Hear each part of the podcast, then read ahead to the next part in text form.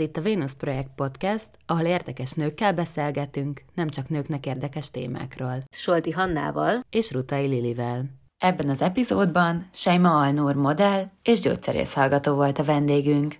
Őt többen is ismerhetitek, többek között a Szeretest Instagram oldal posztjaiból. Tudnál egy kicsit mesélni nekünk arról, hogy mikor és hogyan érezted, hogyha valaha érezted azt, hogy megkülönböztetnek a bőrszíned miatt, mondjuk gyerekkorodban, később a tanulmányaid során, és hogy volt-e olyan, ami nehéz volt átlépni? Hát a származásomat illetően apukám ugye szudáni származású, anyukám pedig Szudánban nőtt fel, viszont félig török, félig arab származású. Két évet éltünk Szudánban, miután megszülettem, három évet Líbiában, és öt éves koromban költöztünk Magyarországra. Úgyhogy itt is kezdtem az óvodát, és öt éves koromban, ahogy itt éltünk Magyarországon, és az óvoda kezdetekor, akkor is már éreztették velem bántó szavakkal, hogy én más vagyok. Tehát amíg más gyerekeknél a testi jegyeket hangsúlyozták, csúfolódáskor nálam mindig elsőként a bőrszínen vágták hozzám, mint például az, hogy szarszínű, négerbaba, majom. Ez pedig nem csak az úgymond csoporttársaimtól volt ez, hanem az egyik olyan lányra is, aki legjobb barátnőmre tekintettem rá, és például az, hogy egyszer volt, hogy leniggerezett 8 évesen. Ez pedig nem csak óvodában történt, hanem általános iskolában tanárok által is voltak ilyen megjegyzések, majd később kimis koromban is történtek ilyenek. Az egyik legemlékezetesebb akkor volt, amikor 12-ben a történelem tanár mindig néger poénokkal kezdte az órát. És ezeket még úgy el tudtam engedni magam mellett, mert tudtuk erről a tanárról, hogy problematikus, és hogy nagyon sok bántó megjegyzéseket tud tenni a diákokra, mert előfordult ilyen többször. Viszont azt már úgy nem tudtam elengedni, amikor az egyik órán, amikor tél volt, kint ugye hó volt, és a többiek egy random viccen nevettek, én pedig csak elmosolyodtam, a tanár pedig hozzám fordult, és azt mondta, hogy ha megint meglátom nevetni, akkor kidobom az ablakon, és kifehéredik. Nagyon rosszul érintett igazából abban a pillanatban ez a megjegyzés, és nem is tudtam visszafogni a könnyeimet, amikor az óra végén oda mentem hozzá megkérdezni, hogy mivel értemeltem ki ezt a mondatot.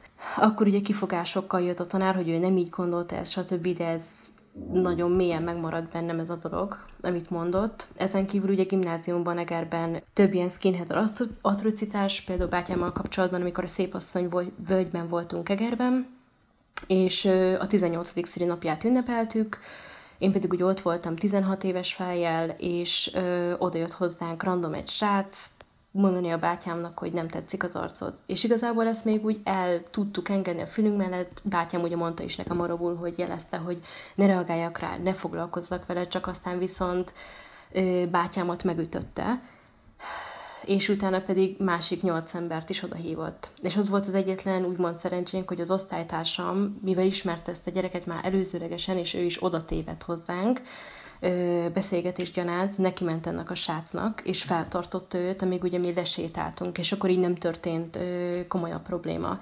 De bátyámmal később ugyanilyen atrocitás érte őt, mivel szilveszterkor történt, hogy a szilveszteri bulin utána ment egy skinhead srác, és gyomron vágta. Ez pedig ugye a hugommal is történtek ilyen atrocitások, és ugye öcsémmel is. Tehát, ezek, tehát ezekből ugye ők sem maradtak ki. Hugomat például azért, hogy rengetegszer volt, hogy reggelente egy skinhead srác minden reggel azzal fogadta, hogy menj vissza Afrikába, és az N szót használta rá. Emellett volt egy olyan lány, aki például hátba szúrta egy tűvel, és az is egy olyan ö, indítatású dologból volt, mert azok alapján, amit mondott, ebből egyértelműen kivehető volt. Öcsémnél is ugyanezek fordultak elő például, hogy nem fogták meg a kezét. Első osztályban volt egy fiú, aki sorbanállásban a párja tudott volna lenni, de a szülei úgy, hogy öcsém is hallotta, rászóltak, hogy ne fog meg az ő kezét. És azért ez nagyon kellemetlen szituáció, mert aztán az öcsémtől nem kérdezte meg, ugye tőlünk, ugye testvérektől, hogy de miért nem akarták, hogy az ő kezét megfogják, és ezt azért nagyon rossz így elmondani, hogy mi lehetett ennek az oka. Hát igen, főleg úgy, úgy annyira nehéz elmagyarázni, hogy valójában erről a témáról egy, egy ártatlan ö, gyerek gondolkozik a legtisztában és, a, és talán a legjobban azzal, hogy tényleg miért. ö, és, és olyan nehéz neki elmagyarázni valamit, amivel igazából te magad is egyetértesz, mert hogy tényleg nincsen rá egy jó indokod, hogy miért. Hát igen, úgyhogy ez így nehéz volt igazából egy ilyet megkérdezte, tudod rá a választ, hogy ez mi miatt lehet, de ott van egy úgymond ártatlan lélek, és akkor ne kell magyarázni, hogy ezek az emberek azért gondolnak így rád, mert más a bőrszíned, mert nekik ezzel kapcsolatban van egy ellenszemvük, egy előítéletük. És ez nagyon sokszor az utcán is előfordult, hogy abszolút teljesen, mint hogyha hétköznapi dolog lenne az utcán is volt, itt akár Pécsen is, hogy leningereztek. Volt ön egy fekete pákó lányát. Azt mondták, hogy én az vagyok. Volt olyan, amikor a, a göndörhelyemet kérdezés nélkül megfogták a játszótéren, volt, hogy a mozgó lépcsőn is, és ez annyira ö, természetesnek tűnő dolog, hogy nem is gondolnak bele ebbe, hogy ez, ez, ez nem egy normális dolog, hogy ilyeneket csinálunk. Hát, hogy rengeteg ilyen volt. Sajnos ö, ez viszont ugye nem csak ö, gimnáziumban történt, hanem később, amikor szüleim ugye elköltöztek Angliába, annak ugye én feletté bürültem, mert akkor úgy voltam vele, hogy az egy nyitottabb társadalom, ott több esélyük van arra, hogy az emberek ne először a bőrszint lássák meg ugye rajtuk, és én ugye eközben elkerültem egyetemre, Pécsre, és ugye ez, itt sem maradtak ugye ezek nyugton, úgymond ezek a dolgok, itt is ugyanúgy értek ilyen atrocitások, és ilyen volt például egyszer, amikor volt egy egyetemi szemeszternyitó buli, és ennek a, a szemeszternyitó bulinak a végén egy fogorvos és évfolyamtársam odajött hozzám, és az est végén megvádolt azzal, hogy én a barátját megöleltem. Miközben nem is találkoztunk velük, és folyamatosan ezt ismételgette, hogy többet ne ír hozzá így a barátomhoz, stb. És mondtam neki, hogy de nem is találkoztunk, és ezt a srác is megerősítette, ahogy ott állt, hogy nem is találkoztunk tényleg, és utána a lány rögtön belekezdett a személyeskedésbe, és kimondta azt, hogy te hülye néger kurva. Ezt még úgy helyén tudtam kezelni, mert ugye a múltból fakadóan nagyon sokszor volt, hogy ilyen atrocitások értek, és ilyen mondatok, de viszont azt már, amellett már nem tudtam elmenni, hogy ezek mellett még fel is akart pofozni. És így hát persze reflexből én is reagált, reagáltam rá egy pofonnal, aminek az volt a vége, hogy még én voltam agresszívnak titulálva, miután megvédtem magam, és másnap fenyegető üzeneteket kaptam, amit aztán a barátjával iratott meg, és az évfolyamon hazugságokat terjesztettek, és ez is mutatja azt, hogy az értelmiségi rétegben is nagyon komolyan megvan, és több esetet is el mm. tudnék mondani, ahol megvan ennek a, a rasszizmusnak a nyoma mert nem ez volt igazából az egyetlen ilyen jellegű dolog itt az egyetemen, hanem volt egy másik is, ez egy egyetemi rendezvény volt, ami ironikus módon a különböző kultúrák sokszínűséget hivatott ugye ünnepelni Pécsen, és ezt International Eveningnek hívják. És egyik barátnőmmel elindultunk egy társasággal, uh, ugye, ahol egy magyar barátommal és egy nigériai barátnőmmel is csináltunk egy közös fotót. És akkor később ketté vált a csapat, ami nem tetszett ugye az egyik lánynak a másik csapatból. És akkor, ahogy ketté vált a csapat, egyszer csak láttam, hogy felvillan ugye ennek a barátomnak a telefonja, és láttam, hogy ez a lány úgy reagált erre az Instagramra felrakott hármas képünkre, hogy de menő vagy, hogy niggerekkel luksz. És ez ebben a pillanatban engem nagyon lesokkolt, tehát, hogy, és az a durva, hogy én ezzel a lányal már többször is voltam egy társaságon belül, és nem volt semmi probléma, és nagyon sokkoló volt, hogy ő ezt így leírta. És ugye nem is tudta, hogy én ezt az üzenetet láttam, és később, amikor ugye konfrontáltam őt, akkor azzal védekezett, hogy ő ilyen. Hát persze ezt így nem fogadtam el, mert az én szótáramban az, hogy valaki ilyen, az nem létezik. Tehát mi válogatjuk meg azt, hogy hogyan viselkedünk, és nem úgy születünk, ahogy születünk. Ezekkel a tulajdonságokkal és arroganciával. Másnap pedig ugye a barátnőm is felhívott, hogy de hát a Kami ilyen nem úgy gondolta, de hát hogy lehet ezt a mondatot más, másképp érteni? Tehát, hogy ebből is látszik tényleg, hogy értelmiségi körökben is nagyon ott van ez a jelenség. Tehát, hogy ez nem csak egy mm. tanulatlan vagy aluliskolázott rétegnek a, a sajátossága. Ugye a magánéletemben is megjelentek ezek a megkülönböztetések. Tehát egy olyan kapcsolatba kerültem, ahol a páromnak több rasszista családtagja is volt, akik ugye Facebookon gyakran megosztották a gondolatait arról, hogy milyen állatok a feketék, majd persze úgy gurult be a húsvéti elvédre mosolyal köszönve, mint hogyha egy napja nem az én származásomat minősítette volna. Volt ugye a páromnak egy nagybácsikája, és két évvel ezelőtt, amikor a francia válogatott világbajnokságot nyert, és Paul Pogba ünnepel, táncolt, akkor azt mondta ez a nagybácsi, hogy idézem, Pogba nem az ültet fényem vagy. És meg is fagyott abban a pillanatban igazából a tér, nagyon kellemetlen volt az egész, persze felháborító, és más ember is ugye lefagyott, aki ott volt, de később ugye a párom beszélt velük, és azután még ugye az ő részükről volt távolságtartás felé, mert hogy hangot mertünk adni ennek. És ugye ez így ment másfél éven keresztül. Tehát egy abszolút ö, kellemetlen légkör alakult ki, és másfél évig ugye volt egy erős távolságtartás, és ugye mire én újra nyitni mertem, és ugye elmentük a, fiúk, a fiúknak a ballagási vacsorájára másfél évvel később, akkor nem telt el sok idő, és az este végén ugye megszólalt ugyanaz a nagybácsi, hogy az afrikaiak a társadalom alja csak táncolni és énekelni tudnak, semmi máshoz nem, ért, nem értenek, ivartanítani kellene őket. Utálom azt az országot. Tehát, hogy már ott kezdődik a probléma, hogy azt hiszi, hogy Afrika egy ország, nem egy kontinens. Igen, és hogy, a, és hogy eleve szerintem az egy nagyon nagy probléma, ami ide köthető, hogy hajlamosak az emberek azt hinni és úgy kezelni ezt a kérdést, hogy a fekete az egy homogén dolog. Tehát, hogy abból egyfajta van. Igen, és hogy feketék csak Afrikában lehetnek, meg hogy, feke, tehát, hogy feketék csak Afrikában lehetnek, és Afrika egy ország. Na hát már igazából ez is elárulja ennek az embernek a primitívségét, mennyire nincsen tisztában ezzel.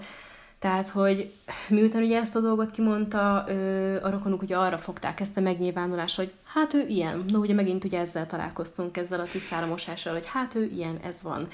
És ennél is csak azt tudom mondani, hogy nincsen olyan, hogy valaki ilyen, mert ugye mi válogatjuk meg, hogy hogyan viselkedünk, minden más csak kifogás.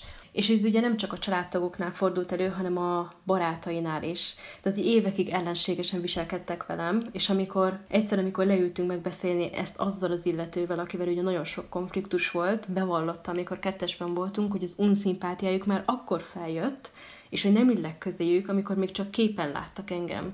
Szóval itt nem értem, mi lehetett az, ami miatt beskotujáztak anélkül, hogy megismertek volna. Szerintem erre elég egyértelmű a válasz. De ugye ott is ö, megjelent ugye ez a dolog. És ennek kapcsán neked mi volt az, amin a legnehezebb volt így felülemelkedni, vagy átlépni?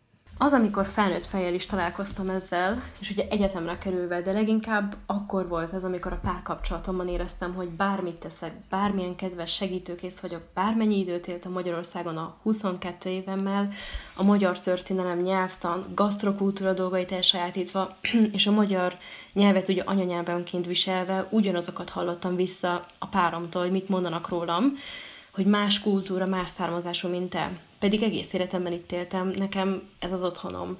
És a legnehezebb érzés az, amikor csak azért nem fogadnak be, mert más a bőrszínet. Tehát maga tehetetlennek éreztem magam, és erre ugye nem tudsz tegyinteni, mint az utcán, és menni tovább. Mert ez egy olyan környezet, ami állandó marad. És egy számodra kedves embernek ugye a hozzátartozói. Emellett ugye nekem az volt uh, még nehéz, amilyen reakciót kaptam, miután ugye a szűk családi körre szóba került a rasszizmus ugye a, a szeretes projekt után. És azt gondoltam, hogy ez egy jó esély lesz arra igazából, hogy erről a témáról beszéljünk, és uh, megnyíljon ugye a kettőfél szűk családi körben, és uh, ugye ők alapvetően látták, amit ezzel kapcsolatban írtam a projekten belül, hogy a magánéletemben is éreztem ugye ezt, hogy nem fogadnak el engem, de nem hozták szóba. És amikor én szóba hoztam, akkor kifejeztem, hogy problematikusnak tartom az ehhez való hozzáállásuk, mert ugye a családnak az egyik része rasszista, egy másik része pedig nem foglalkozik vele, ami probléma. És ugye nem érzem biztonságban magamat, és nem támogatást kaptam, hanem passzív-agresszív, elbagatelizáló megjegyzéseket. Először azt mondta az az adott fél, amikor beszéltünk erről a szeretestről, és hogy problematikus, ugye van egy ilyen személy a családban, aki nem csak egy, több is van, de ez az ember nagyon sokszor ugye megnyilvánította a rasszista gondolatait, és amikor erről volt szó ugye ebben a ö, szűk családi körben, akkor először az a mondat jött, hogy akkor elmondtam, hogy milyen mondatokat mondott, hogy engem ivartanítani kellene származásomból kifolyólag ugye az afrikaiakat, hogy én nem afrikaiként gondolok rád, mert Magyarországon szocializálódtál.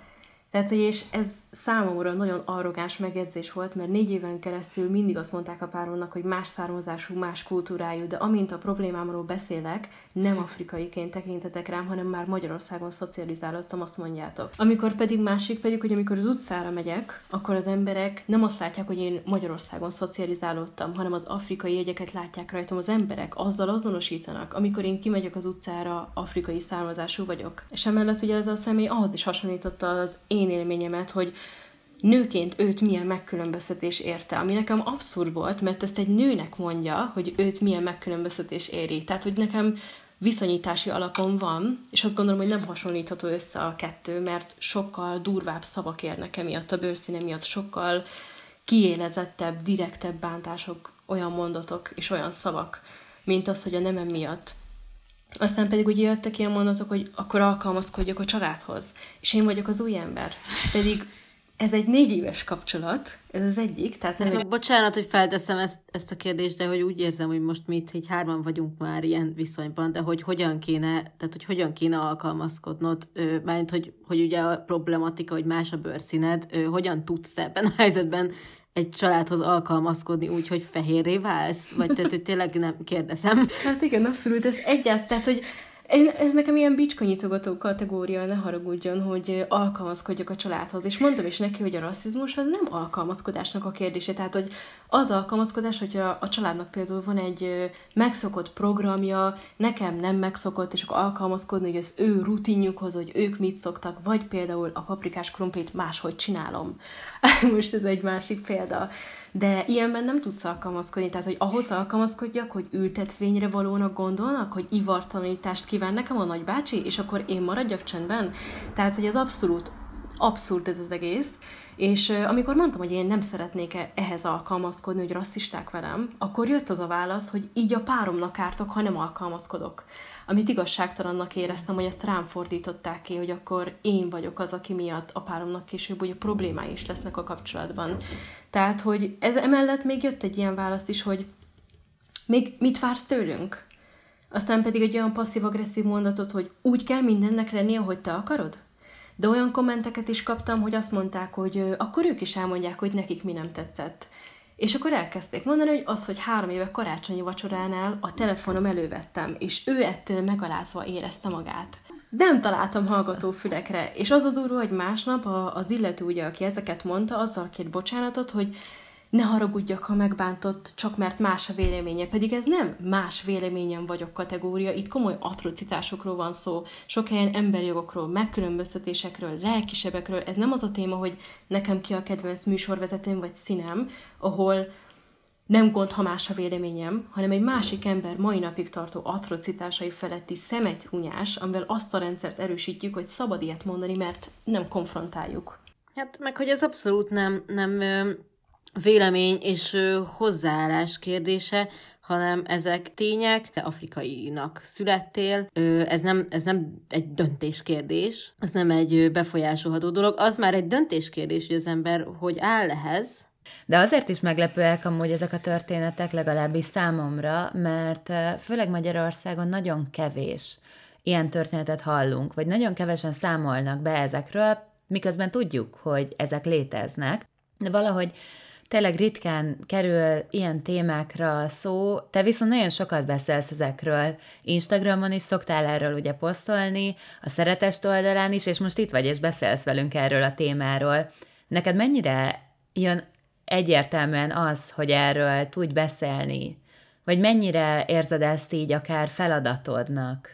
Bár amúgy hozzátenném, hogy egyáltalán nem kéne, hogy a feladatod legyen. Ugye erről van szó például a mindig elfelejtem annak a könyvnek a címét, Why I'm not talking to white people about race. Igen. Why I'm no longer talking to white people about race. Köszönöm, nagyon hosszú címe van, és sok szóval áll. És hogy abban például erről is szó van, hogy egyáltalán nem kéne senkinek ennek a feladatának lenni. Ö, hát azt gondolom, hogy nehéz beszélgetni erről ugye fehér emberekkel, mert ez nem egy szokványos téma nekik. Sem mellett nem ugyanabból a dinamikából indulunk, mert ugye az egyik fél érintettebb, mint a másik, így más szemszögből látja ezt.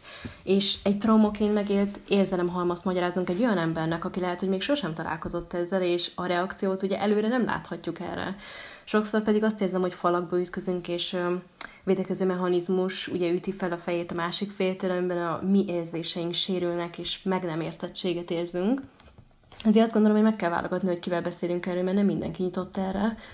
és hogyha valaki ugye úgy közeledik felém ebben a témában, hogy sosem hallott erről, arra nem szeretek annyira válaszolni, mert megvan ugyanaz a forrása internet és könyvek formájában, amivel ugye hozzáférhet, mint én, és így a sokkoló, bántóbb kérdéseket is elkerülöm, mint például volt olyan egyszer, hogy valaki megkérdezte tőlem, hogy miért bántó a nigger szó. Tehát, hogy és ugye ezért mondom, hogy így a sokkoló, bántóbb kérdéseket is ugye elkerülöm, és a fehérek ugye olyan háttérből is indulnak, ahol sosem kellett foglalkozniuk ezzel. Tehát mert ugye egy társadalmi többség, de megoldás lenne ezekre, hogyha normalizálnánk a rasszizmus témáját, és hogy ez, erről beszélünk nyitottabban, mert akkor tapintatosabban kezelnék az információk tudatában is később, amikor ugye erről van szó. Én ugye látom, hogy valakinek valamilyen szinten, tehát hogy tisztában van a dolgokkal, akkor szívesebben tanítom, úgymond, és így az én érzéseim se sérülnek, és vannak dolgok, dolgok ugye, amik mentén megért engem, és kapcsolódhatunk a pályán haladáskor, mert már olvasott róla. Az oktatásról pedig azt gondolom, hogy addig van rendben, amíg az érintett egyen azt érzi, hogy megvan erre a motiváció, és lelkileg is rendben érzi magát erre, hogy régi sebekről is beszéljen, a kérdezőfél pedig tanuló jelleggel kérdez, nyitott az új nézőpontra. Mert ugye nem, azt érzem, hogy nem szabadna elvárásnak lenni, hogy mi színes bőrű emberekként oktassunk erről fehér embereket, mert ez lelkileg megterhelő tud lenni nekünk, hogy mindig mhm, beszélni, uh-huh. magyarázni, oktatni kell, meg azt is fontos tudni, hogy nem minden színes bőrű aktivista, nem mindannyian mélyedünk belül ugyanolyan mértékben ebbe a kérdésbe, és ezért megfelelő forrás is kell a tájékozódáshoz. Úgyhogy én azt ajánlom, hogy akit érdekel a téma, az nézzen utána nyugodtan hiteles forrásból, és hogyha már van elképzelése róla, és kell az iránymutatás, akkor keressen fel egy olyat, aki nyitott erre, mint én, és persze az adott személy olvasott is ebben a témában. Ö, egy nagyon kicsit még visszakanyarodva, a, a szeretest oldalon említetted azt is, hogy a, a BLM mozgalommal párhuzamosan kezdtél el erről a, a témáról beszélni, vagy ezt a témát körüljárni. Szerinted ennek a mozgalomnak, amihez ugye magyarként is egyébként elég sokan csatlakoztak a közösségi médiában, milyen hatása volt Magyarországon? Hát én azt gondolom, hogy nagyon pozitív hatása volt általánosságban egy világra, mert ö, több videó ugye kikerült rasszista incidensekről, és ugye a színesbőrűek eddig is tudtak ennek a létezéséről, de így sok fehér ember is láthatta, hogy mennyi ilyen van, milyen durvasággal és sok embernek azt érzem, hogy megnyílt a szeme Magyarországon, és sok itt nevelkedett és született színes bőr is kiállt, hangot adott ennek, és bátorságot kaptunk arra, hogy megosszuk a mi történetünk. Persze van egy réteg, akik sajna ezt úgy értelmezik, hogy a fehéreket szidják, a fehér embereket, és hogy vád, megvádolják őket ugye a színes bőrű réteg, módbéli dolgokkal, pedig itt ugye itt nem erről van szó. Tehát itt mi nem akarunk senkit elnyomni, nem plusz jogokat akarunk, ez nem lázadozásról szól, mi csak azt szeretnénk, hogyha sok ember úgymond ember számban nézni minket annyira, hogy nem bántanának a bőrszínünk miatt, és nem lenne a mindennapjaink része, hogy emlékeztetnek, milyen bőrszínbe születtél, és nem diszkriminálnának. Tehát szeretnénk ugyanolyan hétköznapi emberek lenni, mint más emberek, és nem foglalkozni azzal, hogy milyen bőrszínbe születtünk. És azt érzem, hogy ez tényleg sok embernek ez a mozgalom felnyitotta a szemét Magyarországon, mert ahogy láthatjuk ezeknél a globális megmozdulásoknál is, ugye Európa szerte is volt, nem csak színes bőrűek mentek ki, hanem nagyon sok ö, fehér ember is, és ez egy nagyon pozitív dolog, hogy végre az emberek is többet érdeklődnek e felől, és többet szeretnének erről tanulni. Úgyhogy azt gondolom, hogy pozitív hatása volt Magyarországon is. Uh-huh. És mit gondolsz amúgy, mennyiben változtatta meg az emberek álláspontját? Mert nyilván sokan vagyunk, akik nagyon követték a médiát, és tényleg utána olvastak a témának, és elkezdtek ezen gondolkozni a mindennapjaikban is, de azért azt nem mondanám, hogy Magyarországon így általánosságban az emberek gondolkodásmódját megváltoztatta, bár azt sem mondanám, hogy akárhol az USA-ban, Angliában, Németországban megváltoztatta volna az emberek gondolkodásmódját, tehát szerinted van olyan, ami megmaradt ebből? Ugye most már a BLM egy jó, bőfél éve volt. Szerintem ö- vannak olyan emberek, akik persze észrevettem, hogy ezt ilyen, mint az Instagram felületen, hogy a közösségi médián, hogy trendszerűen kirakják ugye ezt a fekete képet, Black Lives Matter, oké, okay, vége van, hello. Viszont azt vettem észre, hogy legalábbis az én környezetemben szerencsére itt nekem Pécsen egy ilyen támogató közeg vesz körül, és ők eddig is tudtak ugye ezekről a dolgokról, de voltak ugye olyan emberek is, akik eddig nem különösebben foglalkoztak vele. Tehát olyan pont a, a, a plusz és a mínusz között megvoltak egy kényelmes helyen, és azt érzem, hogy el, tehát elkezdtek nyitottabbak is lenni. Természetesen, hogy Magyarországon azt érzem, hogy ez annyira bele van, ép, bele van épülve a társadalomba ö, a rasszizmusnak a nyomai, hogy ö, nem lehet elérni változást ö, tehát, hogy egy, egy ilyen jellegű dologról, hogy egyszer megtörténik és kész vége, hanem folyamatosan ezt azt érzem, hogy fenn kell tartani, beszélni kell róla, teret kell adni ennek a dolognak. Sajnos van olyan ember, aki erre inkább támadásként gondol, a fehérségének az irányába, és rosszul fogja meg ezt a dolgokat, és inkább védekező mechanizmust vesz fel. De azt vettem észre, hogy sok olyan ember is van, aki elkezdett nyitottabb lenni erre, mert eddig nem sok információt tudott átadni, és most a közösségi média és a médiumok által több felületen ugye megjelent ez a probléma. És látni, hogy itt, hogy ennyi ember felvonult, nem csak színes bőrűek, fehérek, akkor itt valami nagyobb problémáról is lehet szó. Nem csak arról, hogy megöltek egy embert. Tehát, hogy ez egy mélyebb dolog. Meg szerintem az is egy nagyon jó hozadéka, hogy nagyon sok mondjuk nagy médium elkezdett cikkezni arra, hogy milyen könyveket olvas milyen podcasteket igen, igen. hallgass, hol néz ennek a témának utána, tehát hogy akkor egy kicsit már így, hogyha valaki erről szeretne olvasni, akkor tudja, hogy hova forduljon egyáltalán.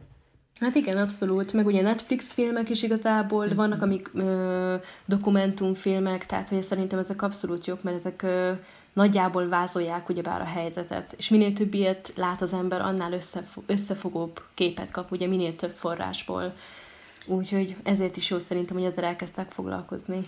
Én azt gondolom, hogy minden ilyennek a hatása igazából hosszú távon dől el, és hogy valószínűleg nem egy eseménynek van hatása, hanem egy esemény görget magával, aztán sokkal többet, és talán egyre több embert vonz magával, de szerintem az a legjobb dolog, amit tehetünk, hogy edukáljuk magunkat és a környezetünket, mert ez az, ami, ami igazán segíthet. De érdekelne, hogy te mit gondolsz erről, hogy akár egyénként, akár szervezeti szinten, vagy intézményes szinten, mire van szükség, mit tehetünk, akár mi? Hát azt gondolom, hogy szervezetként érdemes akár posztok, videók formájában is foglalkozni ezzel, mert hogy minél több emberhez eljusson ugye a téma fontossága, mert a közösségi média nagy szerepet játszik ugye az életünkben, most is láthatjuk, hogy rengeteg korosztálynál hamarabb eléri az adott korosztályt, úgyhogy szerintem posztok, videók formájában is el lehet vele sokat érni.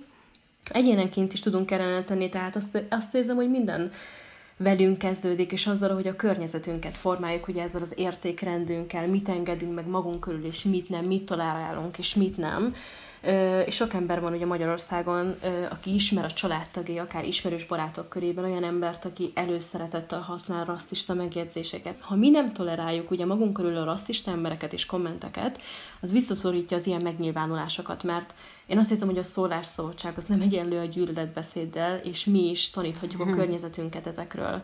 Ezeknél pedig azt tartom fontosnak ugye egyéni szinten, hogy ne hagyja senki szó nélkül ezeket, tehát merjük felvállalni a véleményünket, álljunk ki az értékrendünk mellett, ha valakit bántanak emiatt, akkor ugye mellette kiállni, mert lehet, hogy neked csak egy konfrontáció, de neki egy meghatározó negatív élmény lehet az életében. Emellett pedig ne féljetek más kultúrájú bőszíne embereket is megismerni és tanulni egymástól, mert mind, mindannyian többek lehetünk ezáltal. Ezen kívül pedig el kell gondolkodni a saját sztereotípiáinkról, és hogy bántottunk-e már valakit akarva vagy akaratlanul származása, vagy a hite miatt. Sosem késő bocsán- bocsánatot kérni, és ugye még jól is érzed ugye magad utána.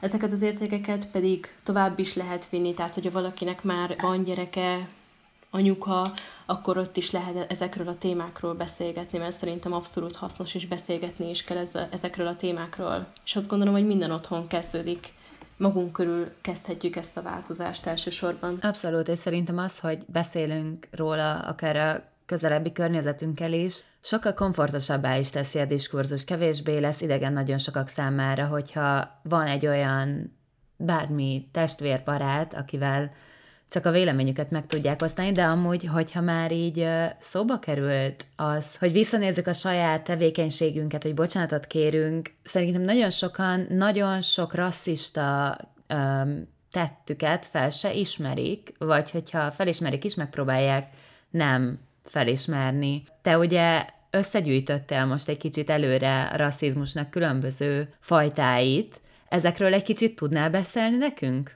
Igen, ugye a rasszizmus fajtái, több fajtája is van, mint például a szisztematikus rasszizmus, az intézményesített, az emberek közötti, a beépült, a szisztematikus rasszizmusnál ugye rasszon alapuló e- egyenlőtlenségekről van szó, amit a társadalom fenn is tart. Ilyen például a keresetbeli különbség, az, hogy például hamarabb felvesznek ö, fehér emberhez társítható nevű embert a cégben, mint egy színesbőrűt.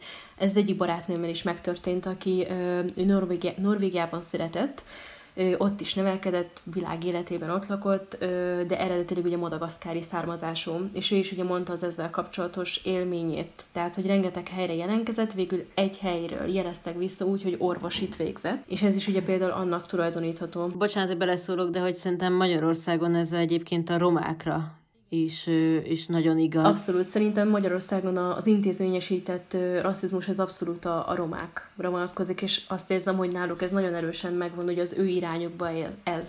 Színesbőrűeknél, akik nem roma származásúak, ők inkább egyéni rasszizmuson részesülnek ugye Magyarországon.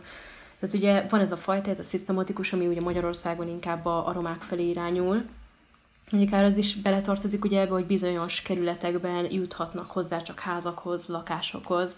Például Amerikában feketék, Magyarországon akár ez vonatkozhat ugye itt is romákra. Az intézményesített az diszkriminatív, megkülönböztető törvénykezések intézményen és szervezeteken belül, amik csökkentik a lehetőségeit ugye a színes bőrűeknek és kedvez a fehér embereknek annak érdekében, hogy irányítás alatt tartassák a gazdasági akár politikai forrásokat. Ilyen például az oktatás, foglalkoztatás, egészségügy, jogrendszer, az emberek közötti pedig az, amikor szavakon és tetteken alapuló tudatos vagy öntudatlan előítéletek, tettek, viselkedés, például rasszista szavak, mikroagressziók, rossz bánásmód, vagy akár az ilyen előítéletek például az, hogy a, a feketék lusták, vagy agresszívak, ö, gangsterek, szexuálisan túlfűtöttek, ugye a fekete nők, vagy a fekete férfiak, rasszista viccek, a beépült pedig az, hogy rasszalapú hiedelem vagy érzés más emberekkel szemben, amit nem feltétlenül tudunk másokkal, de bennünk ugye megvan ez. Tehát ennek nagyon sok fokozata van szintje. Uh-huh. Azt akartam kérdezni, ugye ö, beszéltünk már ö, az előbb, megemlítettük ezt a white fragility, ö, a kifejezést azt nem tudom, hogy volt-e már, de igazából már beszéltünk róla. Ez a kifejezés, ez igazából azt takarja, hogy egy privilegizált helyzetben lévő jelen esetben fehér ember valójában nem tud, és morálisan egyébként nem is szabadna neki valójában megalapozott, körültekintő véleményt formálni a feketék helyzetéről, és hogy ennek mentén kiállni sem tudnak, vagy aktivista, igazi aktivisták lenni sem tudnak ebben a helyzetben. Te mit gondolsz? Szerintem tudnak aktivisták lenni ugye ebben. Hát ugye a white fragility szó szerint azt jelenteni, hogy fehér törékenység. Tehát ez a fogalom az, amikor egy raszt, rasszizmust érintő témánál kialakul a fehér emberben, vagy beszélgető félben egy stressz állapot, egy ilyen védekező mechanizmus, amiben düh, félelem, bűntudat ötvöződik, aztán pedig a végén az, hogy a szituációban menekül az illető ami által azt érzékelteti veled színesbőrűként, hogy el kell nyomnod az ezzel kapcsolatos tapasztalatait, hogy a másik ember, a másik ember ne érezze kényelmetlenül magát. Ezt akarja ugye ez a fogalom. Azt gondolom, hogy nagyon is valós jelenség, ugye láthattuk a családdal kapcsolatban is ugye a reakciónál, miután ugye én megosztottam ezt a szeretes projektbeli ugye élményemet, a barátom kapott egy telefont a bácsikájától, hogy én mit képzelek, hogy ezt kirakom, a családot lejáratom, mindenki megtudja, és nekem ez volt abban a hihetetlen, hogy elolvasod egy történetet, három részből áll az atrocitásokról, a fájdalmakról, és tudod, hogy rosszat tettél, mert akkor miért szégyelnéd mások előtt. És ez rá a reakció. És az a lényeg, hogy ugye amikor volt egy ilyen védekező mechanizmus, mikor a család többi ö, tagjaival beszélgettünk, akkor ott ugye feljött megint ennek a white fragility-nek a jelensége. Tehát először jött ugye az a mondat, ugye, hogy én nem afrikaiként gondolok rád, mert Magyarországon szocializálódtál, akkor azután azt, hogy nekem is nehéz nőként, de olyan is volt, amikor ahhoz hasonlította a szituációt, amikor őt se fogadták be az elején a családba, ugye ez az adott nőszemély, ami viszont egy jogos reakció volt a családtól, mert az egy félrelépés miatt volt. Tehát ott jogos a reakció a családtól, hogy nem fognak könnyen befogadni, hogyha ebből kifolyólag jöttetek össze az adott emberrel. Viszont én nem egy félrelépés eredményeként vagyok itt a családban, és nem amiatt bántanak, hanem azért, mert más a bőrszínem, nem hasonlítható össze, mert nem jogos az a reakció, amit én kapok. Aztán ugye jött az a támadás, amit ugye az előzőleg ugye mondtam, hogy mit vársz tőlünk, alkalmazkodj a családhoz, te vagy itt az új ember, másnap bocsánat kérésnél, hogy azért haragszok-e, mert más a véleményed? Olyan kommenteket is kaptam, ugye, amit mondtam, hogy, amit mondtak, hogy három éve karácsonyi vacsoránál elővettem a telefonon, és ő ettől megalázva érezte magát. Szóval ledöbbentem, hogy ők ezeket tényleg képesek voltak kimondani és ehhez hasonlítani, jellegtelen témához nem kapcsolódó, úgy elbagatilizáló mondatokat, és nagyot csalódtam abban a szemében emberileg is, aki nőként ilyen támadásra reagált. Azt gondoltam, hogy ha valaki, akkor ő meg fogja érteni ebben a családban ezt a jelenséget kellő érzelmi intelligenciával, de passzív-agresszívan. Passzív-agresszión kívül ugye nem ö, kaptam mást. De ilyen például az, amikor valaki azt állítja, hogy nincs fehér kiváltságosság, mert hogy ő is szegényen nőtt fel. Vagy mert ő is keményen megdolgozott dolgokért az életében.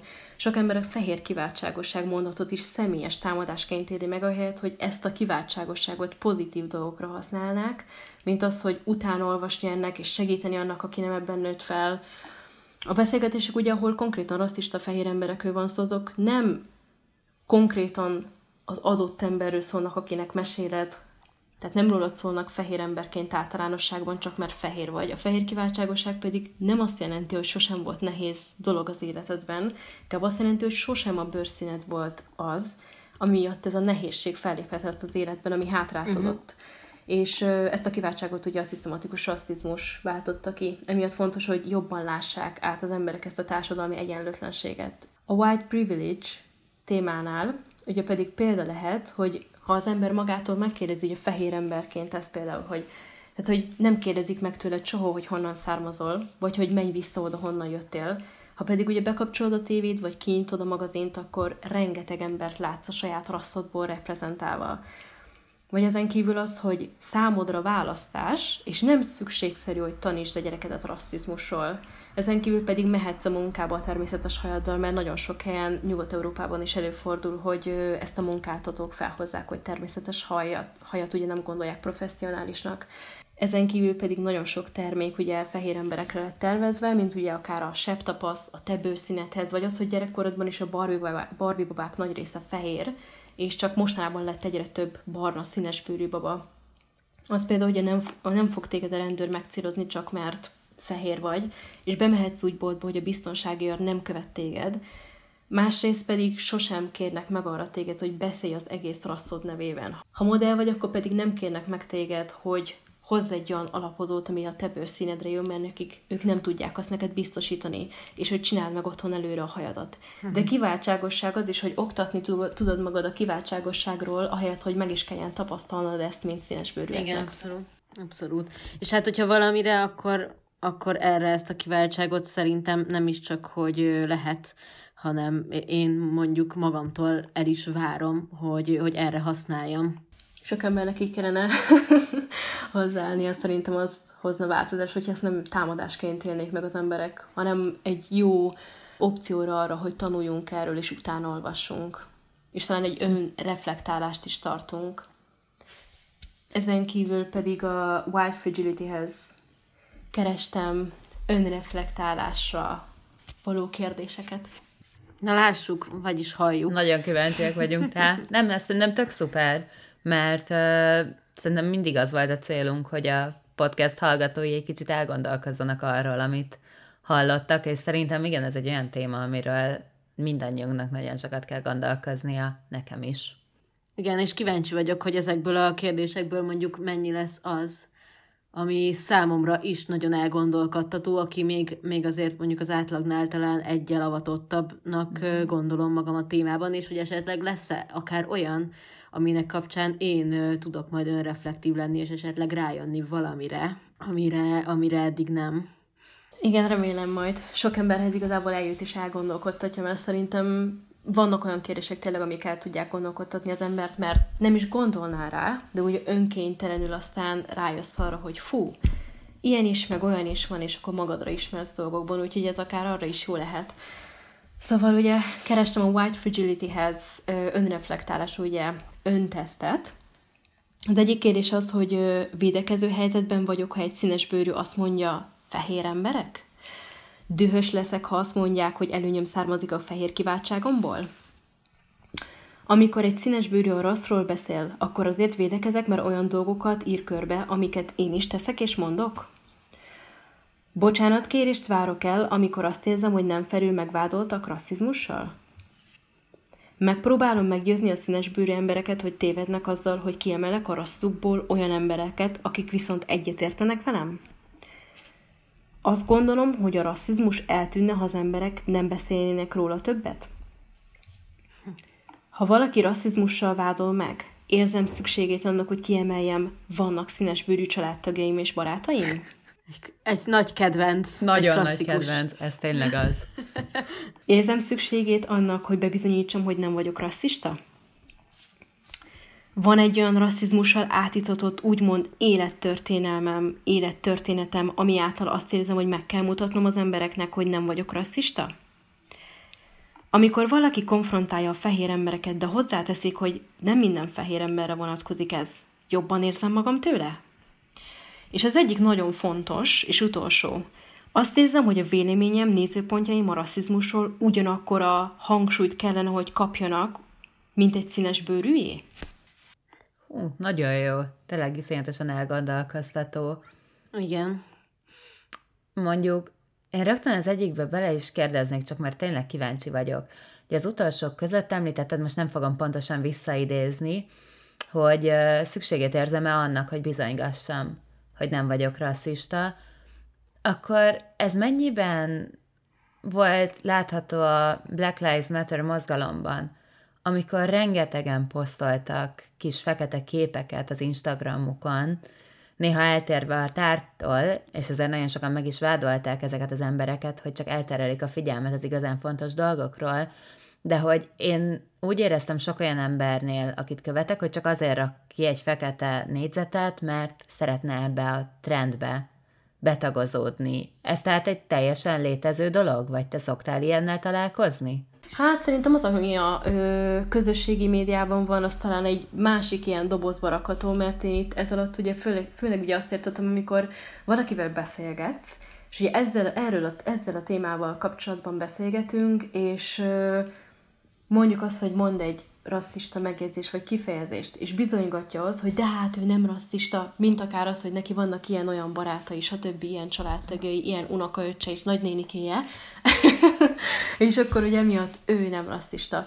De ugye az, ami a, a social médiában van, én azt érzem, hogy az egy másik kategória, mert ott például az emberek valóban vannak olyan emberek, akik azt érzem, hogy csak azért, inkább azt mondanám, hogy csak azért csinálták ezt, mert hogy most ez a trendi, most ez a trendi téma, erről beszélni, stb., de nem volt mögötte egy igazi ö, változás, akár önreflektálás saját magukkal kapcsolatban, csak mentek ezzel a flow-val együtt. Viszont ugye ezt a kérdést, hogy amit mondtam, ez inkább a való életre vonatkozik. Amikor valakivel beszélgetsz, legyen az akár ismerős, vagy barátnak titulált ember, és védekezik, vagy magára veszi azt, hogy de hát ő nem rasszista, vagy hogy miért rasszistázod le, csak azért, mert ugye beszélgetsz magáról, erről a jelenségről, vagy azt, hogy előfordul, hogy fehér emberek így viselkednek veled, vagy mit, hogyan kellene máshogy, és rögtön ezt támadásként éli meg, és próbálja bizonygatni, hogy ő nem rasszista.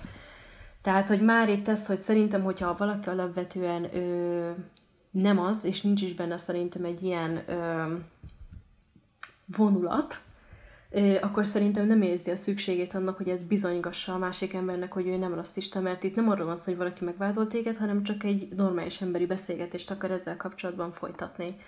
Nekem pont a, a social media, vagyis ahogy, ahogy itthon a, magyarok, vagy magyar ismerőseim közt, ahogy a social médiában lecsapódott ez a BLM mozgalom, annak kapcsán én nagyon komolyan elgondolkoztam azon, hogy valójában ez a nagyon sok kvázi öntudatlan, vagy, vagy nem eléggé megalapozott fekete kép posztolás, ez nem árthat-e akár, a helyet, hogy inkább használna, és bennem itt mondjuk, mondjuk felvetődött, ami lehet, hogy most egy kicsit hars lesz, hogy, hogy nagyon sok helyzetben éreztem azt, hogy, hogy igen, kiállunk most a BLM mozgalom mellett, mert az egy tőlünk látszólag legalábbis nagyon távoli dolog, mind érzelmi szinten, mind fizikailag, és hát valamiért feketék mellé kiállni bizonyos szempontból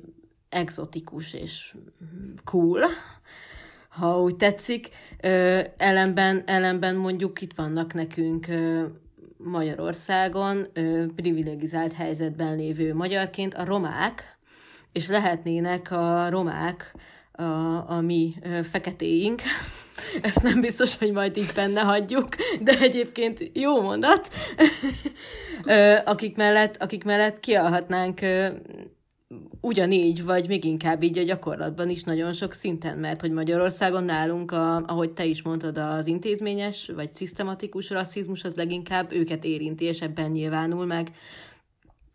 És emiatt én, bennem nagyon sokszor felmerült, vagy idegesített ennek a felszínessége bizonyos szempontból.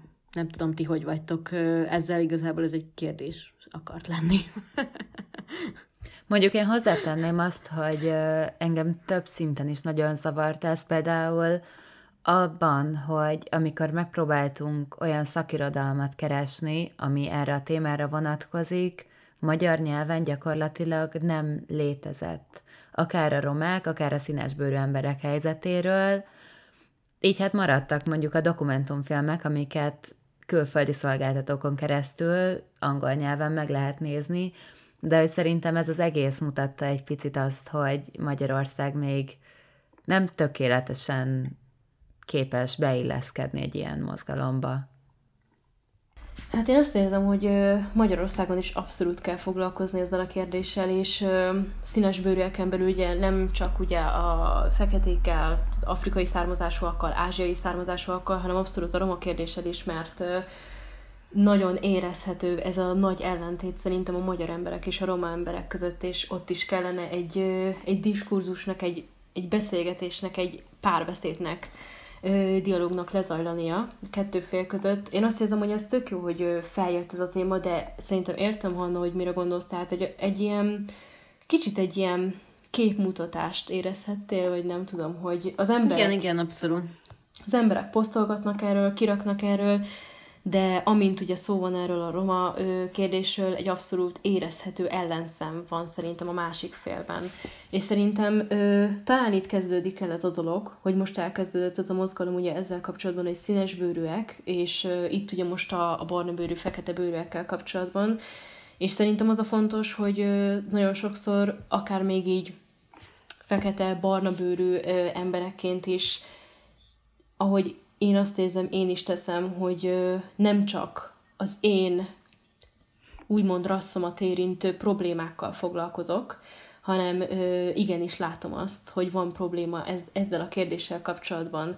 De akár itt ugye az én részemről én azt érzem, hogy azt is belevehetem, hogy például a, a homoszexuálisakkal való kérdés is, tehát hogy én, mivel én azt érzem, hogy ha valaki egy kisebbség, mikor valaki egy kisebbségi csoportba tartozik, sokkal ö, megértőbb az ilyen más csoportok felé való atrocitás, diszkrimináció felé, mert tudja, hogy az milyen érzés, és szerintem lehet, hogy pont itt kezdődik el igazából egy beszélgetés, hogy elsősorban a Black Lives Matter, és onnan indulunk ki ennek a fontosságáról, és nem csak a saját problémáinkkal foglalkozunk, mint akár ugye tenni egy színesbőrű, vagy akár egy ázsiai származású, hanem más elnyomott rétegekkel is foglalkozni, és igenis arról is beszélgetni társadalmi szinten. És azt érzem, hogy tényleg kell erről a kérdésről beszélgetni, és minél többet ö, foglalkozni vele. Minél több platformon, ahol csak lehet.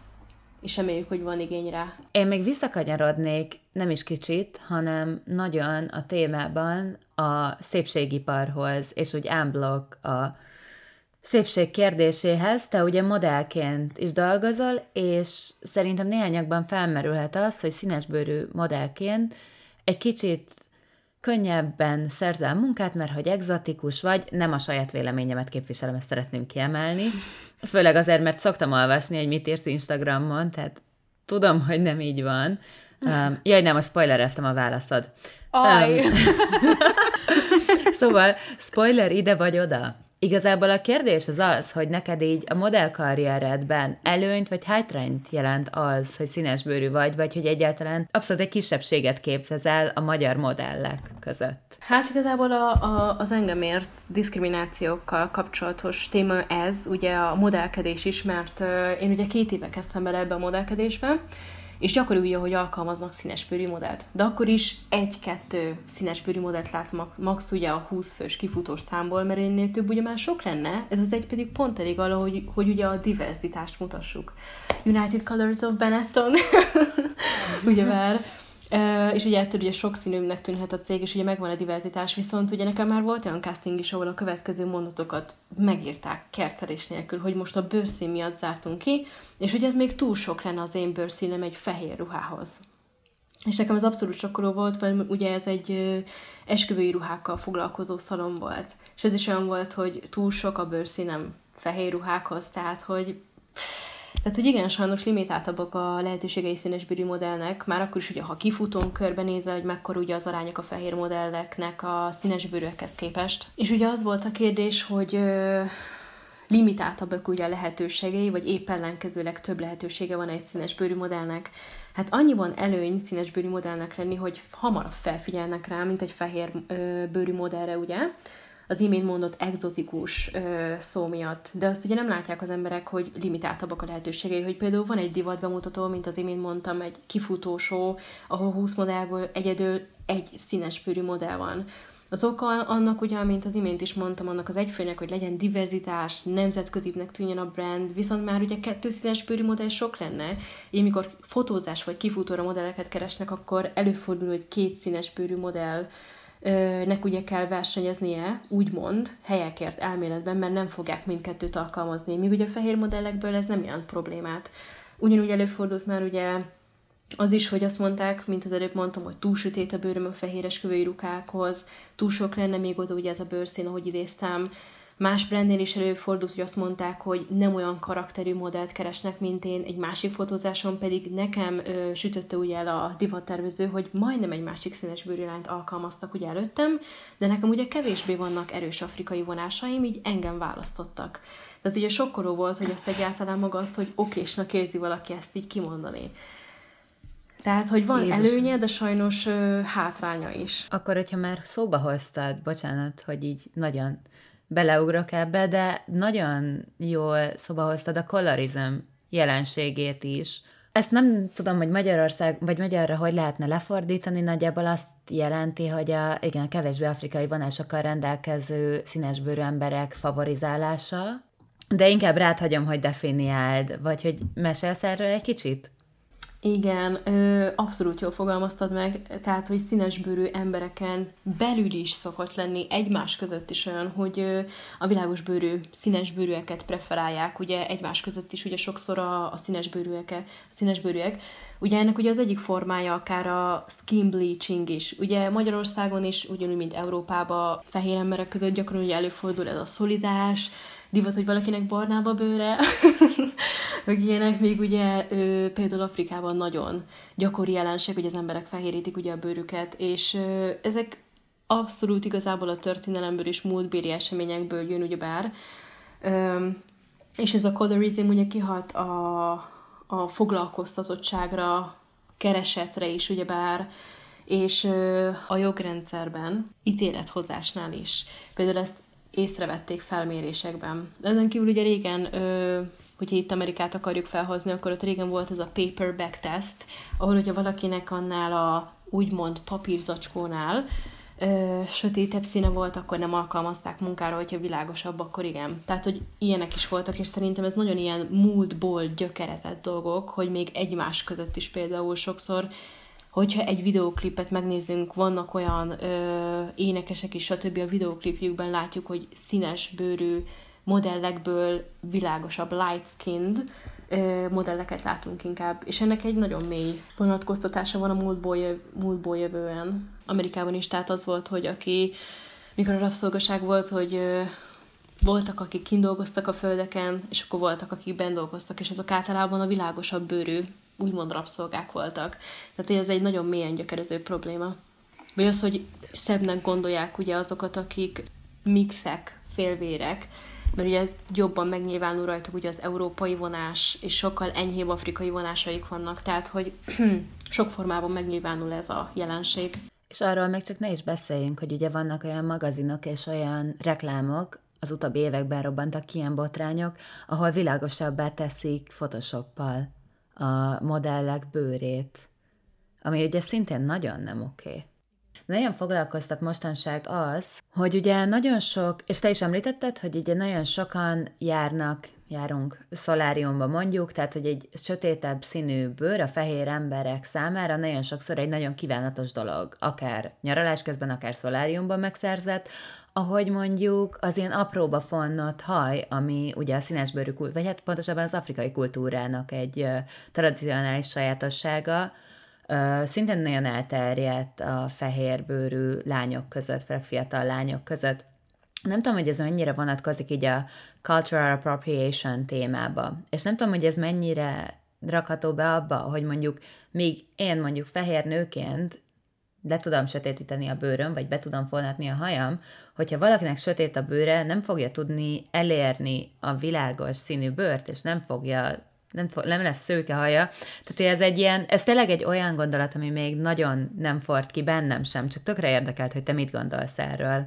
Hát ugye ez is egy elterjedt téma mostanában, ez a cultural appropriation, és hát ennél a témánál igazából nagyon sok színes bőrűnél ugye azért jön fel ez a téma is, azért problematikus ugye ez a téma is, olyan szempontból problematikus, hogy nagyon sok színes bőrű nőt és férfit, akár Nyugat-Európában, amikor ezekkel a tradicionális ö, afrikai fonásokkal megjelennek a munkahelyen, akkor azt mondják, hogy nem professzionális, stb. Tehát van erre egy ilyen, ö, hogy mondjam, tehát ezekkel kapcsolatban munkahelyen is van, hogy például atrocitás éri őket, vagy nem professzionálisnak titulálják. És akkor jönnek ugye a az olyan emberek, akik ugye fehérbőrűként ebben a hajban ö, mennek be a munkahelyre, és az viszont ugye nem probléma munkáltatónak. És nagyon sokszor ez is problematikus, hogy ö, nagyon sok fehér ember a kultúrát, azt szívesen gyakorolja a fekete kultúrát, viszont azt, hogy azt a the struggle, azt, ami ezzel jár, tehát olyan értelemben, hogy amit a, a fekete emberek a bőrszínük miatt elszenvednek, azzal nem szívesen foglalkoznak, viszont a kultúrát azt nagyon élvezik. Igen. Ez kicsit olyan, mint hogyha ilyen kultúrturizmus lenne, hogy megnézem Igen. a szép részét, azt egy kicsit átveszem, de nem mélyedek bele, és nem tapasztalom meg a vele járó negatívumokat. És a másik dolog pedig az, hogy nagyon sok ember, tehát, hogy ez a parkettafonás, ez is divat minden, de például úgymond milyen durva, tehát, hogy ezeknek a dolgoknak mindegy történelmi vonatkoztatása van, és a parkettafonás is onnan jött, hogy régen a, az afrikai nők is azért fonták parkettafonásba a hajukat, mert ez egy escape map volt a rabszolgaság idejében. Egy ilyen menekülő útvonal. Tudták, hogy honnan jöttek, merre kell menni, és ugye ez a hajukba be volt úgymond kódolva, és a parkettafonás is innen jön, és nagyon nem ártana, hogy az emberek ennek is uh, a történelmi vonatkoztatását és múltjával ugye tisztában lennének. És lehet ezeket gyakorolni, hogy az ember szívesen ö, fonatná be a haját, szívesen szolidik, stb. szívesen hallgat ö, olyan zenéket, amiket akár afroamerikai vagy afrikai származású zenészek, ö, vagy akár fekete színészek által forgatott filmeket szeret megnézni, de ne csak akkor szeressük a fekete kultúrát és a fekete embereket, amikor minden jó, hanem azzal is foglalkozunk azokkal a társadalmi problémákkal is, ami őket érinti. Igen, egyébként szerintem ez mindig egy nagyon fontos és nagyon visszás kérdés, amikor a divat bekemelez, vagy, vagy beemel olyan akár viseleteket, akár zenéket, akár viselkedés kultúrákat, köszönést, szavakat, bármit, ami, ami másnak tradíció, akkor ez, ez mindig feljön ez a kérdés. A szépségipar amúgy is szerintem egy nagyon érdekes iparág ilyen szemmel nézve. Ugye sok botrány van tényleg a sötét alapozók hiánya miatt, amit te is említette, hogy mondjuk egy fotózásra megkérnek, hogy vidd magaddal az alapozód, vagy hogy csináld meg otthon a hajad, és hogy te ezt mennyire érzed problematikusnak? Vagy pontosan igazából az is a kérdés, hogy pontosan mit ér, melyik részeit érzed a legproblematikusabbnak? Hát nagyon sokszor előfordult ugye velem is, hogy megkértek, hogy hozzak saját alapozót, mert nincs a bőrömre megfelelő dőn, és hogy ahol arra is megkértek, hogy én otthon csinálja meg a hajam, miközben ugye a fehérbőrű modellnek fodrász csinálta meg, mert hogy az ő haját tudja kezelni, de enyém nem. És problematikusnak érzem, mert minden modellnek biztosítani kellene azokat a feltételeket, amik által hátradőlhet, mert van a bőrszínéhez passzoló alapozó, és olyan fodrász, aki meg tudja csinálni a haját. Én alapvetően a hétköznapi életben nem szoktam alapozott használni, sminkelni se nagyon, de ugye előző nyáron Angliában kénytelen voltam venni a saját bőrszínemre alapozót, mert sok fotózáson nem volt az én bőrszínemre, és azt érzem, hogy igenis fektessen bele a fodrász szakember energiát, hogy megtanulja, hogy kezelje a hajunkat, ahogy a sminkes is gondoljon arra, hogy a bőrszínünkhöz passzoló alapozót találjon, nem tűnik számára nagy dolognak, de számunkra ez egy újabb csodabogár vagyok érzéskelt, hogy pont a mi bőrszínünkre, bőrszínünkre nincsen ugye alapozó, és pont a mi hajunkkal ö, akad ugye a problémájuk. Mert azt érzem, hogy nem nehezebb megcsinálni a mi hajunkat sem, ö, és ha én megcsinálom a hajamat és minkem, akkor engem illet meg ennyire a plusz fizetség, amit az adott szakember miatt ugye belefektettem, és akár egy saját zsebből finanszírozott ö, sminkeszközökre. Szerencsére azért vannak olyan szakemberek, akiknél mondani se kell, készen állnak erre, másnak ez teljesen egy hétköznapi, hogy fel van készülve, ugye az adott szakember, de engem az előbbiak miatt is nagyon jó érzéssel tölt el. Már csak ez a teljesen alapnak kellene, hogy tűnő dolog is, hogy van a bőrszínemre alapozó, és hogy ért a hajamhoz, tudja az árnyalatomat, akár hogy a kikeverésed is kettő árnyalatból, de tudom akkor, hogy jó kezekben vagyok, és olyan embernek érzem magamat, mint az, aki mellett ott ülök. Azt hiszem, hogy, hogy ha nem is az utolsó kérdésünk, de lehet, de legalábbis az egyik utolsó, hogy van ugye ez a szeretest kezdeményezés, erről mesélnél egy kicsit esetleg annak, aki, aki még nem találkozott ezzel, vagy, vagy nem tudja, hogy mi ez. Hogy te hogyan kerültél velük kapcsolatba, miről szól az Instagram oldal, illetve hogy, hogy neked mondjuk mi volt a, a célod ezzel, vagy, vagy miért csatlakoztál ehhez. Hát ugye ez a Szeretes projekt egy ö, olyan érzékenyítő kezdeményezés volt, ami ugye arról szólt, hogy ö, szeressük magunkat a tökéletlenségeinkkel együtt, és ugye másokat is, de az is ugye a célja a kezdeményezésnek, hogy másokat ítélkezés nélkül fogadjunk el, mint a, az antirasszizmus. Tehát komplex társadalomba beilleszkedést akár nehezítő problémákkal is foglalkozik, bevonva ugye ebbe különböző hátterű, különböző életkorban és életszakaszban különböző problémákkal érkező nőket és ö, történetmesélésen keresztül a másik látószögén át bevezet ugye egymás világába, aztán pedig oktató jelleggel ugye foglalkoznak ezzel a témával.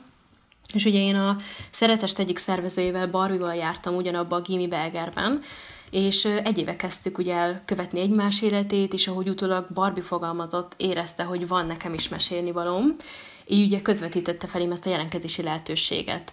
És az elején vonakodtam a jelentkezéstől, de Barbie bátorított, így jelentkeztem, és nagyon hálás vagyok neki, és a szeretesnek, mert azáltal, hogy elmondtam a történetem, egy két évtizede rám nehezedő súly könnyebb lett. Nem tűnt el, de mesélni róla terapeutikus hatással volt rám, és nagyon jót tett az önértékelésemnek, hogy elmesélhettem ezeket, és hogy ennyi hallgató főre találtam, és támogató közösségre, és az én célom a szeretes projekttel az, hogy minél több emberhez eljusson, hogy milyen atrocitás ér itt minket színes bőrűekként, akár legyen az barna, fekete bőrűek, ázsiaiak, roma származásúak, és hogy tudatosuljon az emberekben, hogy ez egy probléma, és társadalmi szinten is kell ezzel foglalkozni, egyénileg is otthon elkezdve.